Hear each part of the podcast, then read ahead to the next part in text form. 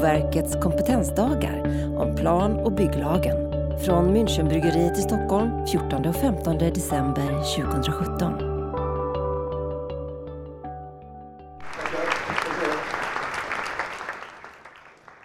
Och eh, nästa kvinna då som ska upp på scen, det är Yvonne Svensson och hon är Boverkets rättschef och hon är säkert välkänd för många av er.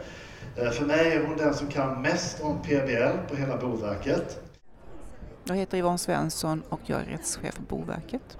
Tillämpning av plan och bygglagen, hur går det till egentligen? Tillämpning är svårt. Det som Boverket arbetar med det är att få en enhetlig och rättssäker tillämpning över hela landet. Det spelar inte spelar någon roll vilken kommun man är i, man ska kunna tillämpa PBL på samma sätt överallt.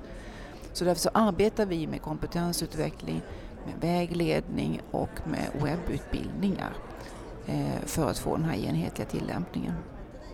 Jag tror att ibland så har kanske kommuner eller enskilda tjänstemän på kommuner så alltid löst en fråga på ett visst sätt.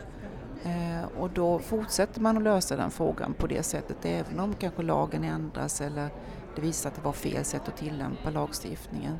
Så att ibland kanske man inte tar in nya, nya tänkesätt utan man fortsätter så som man har gjort tidigare.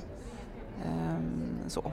Sen är ju plan och bygglagen en väldigt stor lagstiftning, väldigt mångfacetterad. Ehm, och det berör ju liksom allt ifrån planering till byggande. Hur, ska man, hur gör man då för att fler ska tolka den på samma sätt? Det är ju det vi jobbar med nu i vårt regeringsuppdrag och i övrigt också att vi försöker liksom tillhandahålla fler vägledningar Eh, också de här webbutbildningarna som jag pratade om för att eh, ja, dels att vi fångar in rättsfall och att vi utvecklar eh, vägledningstexter för att tjänstemännen på kommunen ska kunna läsa det och även tjänstemännen på Länsstyrelsen. Eh, så det är så vi försöker få till en, liksom en enhetlighet och också naturligtvis i dialog med kommuner och länsstyrelser. Eh, för det är ju de som sitter i verkligheten, vad är det de behöver? Behöver de ha mest hjälp med så kan vi ta det först och att vi utvecklar vägledningen tillsammans med dem. Sen är det ju så att kommuner kan ju hjälpa varandra. Man kan vara duktiga på olika saker. Då kan man ju i sak hjälpa varandra också och Länsstyrelsen kan ju liksom ha nätverk i länen med sina länsstyrelser. Vilka skulle du säga är de största utmaningarna som du stöter på i din vardag som rättschef på Boverket? Eh, sedan plan och bygglagen kom den 2 maj 2011 så har det gjorts 30 ändringar har jag skrivit upp på min PowerPoint-presentation. Jag gjorde den presentationen, eller de bilderna i september i år. Och jag kom på igår kväll när jag åkte hit, ja men det stämmer ju inte längre för det kommer tre ändringar till. Det är alltså 33 ändringar i plan och bygglagen sedan den trädde i kraft 2 maj 2011. Och svårigheten bland annat är att dels hålla reda på alla ändringar med dess övergångsbestämmelser och att det hela tiden, så det är en form av rörlig materia. Eh, och, och framförallt så jobbar man ju ganska mycket med ändringar i plan och bygglagen för att man vill från regeringens sida se olika alltså förverkliganden, man vill förenkla och man vill liksom förtydliga. Och då blir det ganska många ändringar och så gäller det för oss att få väg, vägledning på det och för att kommunen också tillämpa det. Men det är väldigt många ändringar i plan och bygglagen så det är en utmaning att ta hand om dem. Du visade i ditt föredrag också att lagen har ändrats flera gånger och eh, redan eh, innan den trädde i kraft. Var, varför blir det så tror du? Alltså några av de ändringarna som gjordes innan den trädde i kraft var att man upptäckte misstag. För att alltså, lagen beslutades i december 2010 och skulle träda i kraft i 2 maj 2011 och man upptäckte ju efter beslutet att eh, det blev fel. Eh, det var saker som blev direkt felaktiga som var man in och ändrade på och så ändrade man på någonting annat också. Men alltså fyra gånger innan den trädde i kraft, det är ganska mycket faktiskt. Ehm, och det är, ja, mm, så. så att den har ändrats väldigt, väldigt mycket. Sen visade det också att det sker fler förändringar när man närmar sig ett val och vi står ju faktiskt nu inför ett valår under 2018. Vad, vad tror du kommer hända med plan och bygglagen under det året? Alltså jag tror att man kommer att fortsätta på förenklingsspåret och det tycker jag är en väldigt bra ambition att politiken liksom tittar på förenklingar i plan och bygglagen. Ehm, och det tror jag man kommer att göra både när det gäller för att uppmuntra mer industriellt byggande, alltså när man bygger samma typer av hus som säljs i flera kommuner. Då har ju många, de som bygger den typen av industri industriellt byggande säger att kommunerna bedömer det här olika när det inte finns någon anledning. Och det är klart att en sån process kan man ju underlätta då för att har man då liksom byggt enligt sitt löpande bandsprincip så ska ju som inte olika kommuner säga olika saker om själva byggnaden. Ehm, så det tror jag vi kommer att få se förändringen i lagstiftningen på det.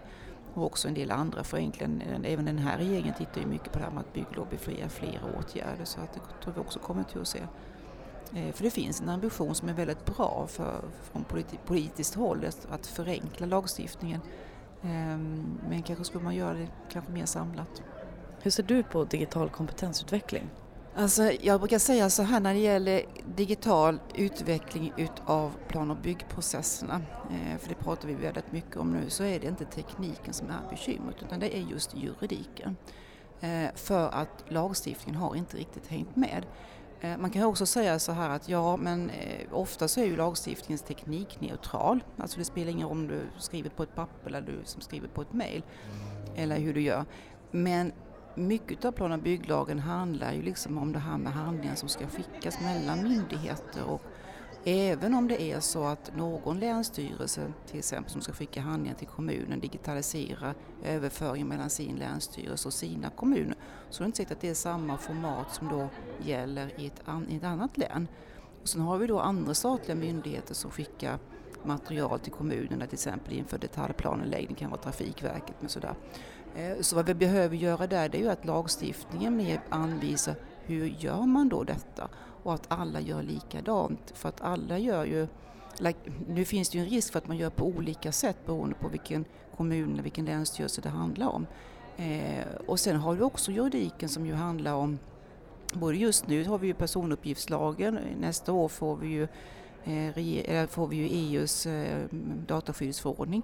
Det här med behandling av personuppgifter, alltså du kan ju inte skicka fastighetsbeteckningar, kan ju inte skickas hur som helst digitalt eller finnas som öppen data hur som helst. Va? Så det finns ju den aspekten också att man måste ta hänsyn till alltså till personuppgifter. Vad är det för uppgifter som, som är tillgängliga för alla? Ska vi ha det här som öppen data? Ska det ligga på nätet? Ska vi ha någon form av register? Vem ska ha tillgång till de registren? Alltså det finns så många som följdfrågor som inte är utredda och just också det här med de här formaten som man skickar mm, här, ja, material mellan varandra inom myndigheterna. Det, det formatet måste ju någon bestämma vilket format är det som gäller. Um, och vad är liksom eh, om man då har digitala detaljplaner, vad är det, om det då är fel i den digitala detaljplanen, är det den som gäller då eller är det pappersdetaljplanen som gäller? Alltså det finns väldigt många juridiska frågor i detta som jag ibland har tyckt att man kanske har underskattat. Eh, så det måste vi jobba mer med. Det är en utmaning men utmaningen är, tycker jag, framförallt liksom inom liksom den juridiska delen utav digitaliseringen. Eh, tekniken tror jag, säger jag då som jurist, tekniken tror jag redan finns. Och plan och bygglagen berör ju alla i Sverige, inte bara de som är här. Men vad betyder den lagstiftningen för dig? Alltså jag jobbar ju på ett ganska så brett perspektiv med plan och bygglagen. Jag jobbar ju egentligen med hela plan och bygglagen fast på ett övergripande nivå då. Som, som rättschef så är jag ju inte in i alla detaljer. Eh, och jag tror att de flesta som jobbar med plan och bygglagen jobbar ju liksom antingen med detaljplan eller med översiktsplan eller i, i, som byggnadsinspektör i byggskedet. Eh, och det som fascinerar mig så mycket med plan och bygglagen som jag tror att om man jobbar för mycket liksom i sin lilla paragraf eller sitt kapitel i plan och bygglagen så ser man inte helheten. Alltså den här, som jag försökte lyfta också i mitt föredrag, den här strukturen som faktiskt finns i PBL. Man måste liksom lyfta blicken och se hela lagen. Eh, för det finns en struktur eh, utifrån så den byggda miljön som är översiktligt planerad till, liksom, till byggnaden som står och sen som ska användas. Så finns liksom ett tänk, det finns liksom en systematik. Och det ser man inte, man bara håller på liksom med sin egen lilla del. Så att jag skulle nog vilja att alla som jobbar med PBL åtminstone en gång titta i hela lagen. Man behöver inte läsa varenda paragraf men titta liksom på lagens struktur och hur den är uppbyggd och liksom de här stora dragen. Eh, för då får man också bättre förståelse för det som händer utanför den processen som man själv jobbar i. Eh, vad som händer före och vad som händer efter. För att det bästa är ju att vi kan liksom ha en plan och bygglag där det som man då gör kanske i översiktsplan, detaljplan, att det liksom är så här sömlösa övergångar mellan de olika skedena så man också underlättar för nästa skede. Det vill säga gör man en bra översiktsplan så är det mycket, mycket lättare att göra en bra detaljplan. Eh, så det är lite grann det jag vill liksom få fram att att systematiken och helheten i lagstiftningen, inte glömma den. Och fram till 2020 då, vad skulle du vilja åstadkomma när det kommer till eh, byggandet av bostäder? Jag skulle vilja att vi fick fram eh, både fler nybyggda bostäder men också kanske att man utnyttjar äldre byggnader till bostäder eh, och att man tänker mycket på de som kanske inte har så stora pengar att röra sig med. Att man bygger mer för, för eh, yngre eh, och för de som inte har så mycket pengar för att de som har pengar klarar sig alltid, det finns alltid bostad till dem.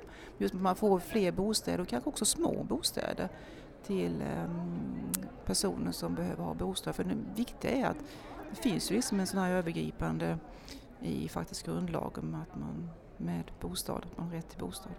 Tack!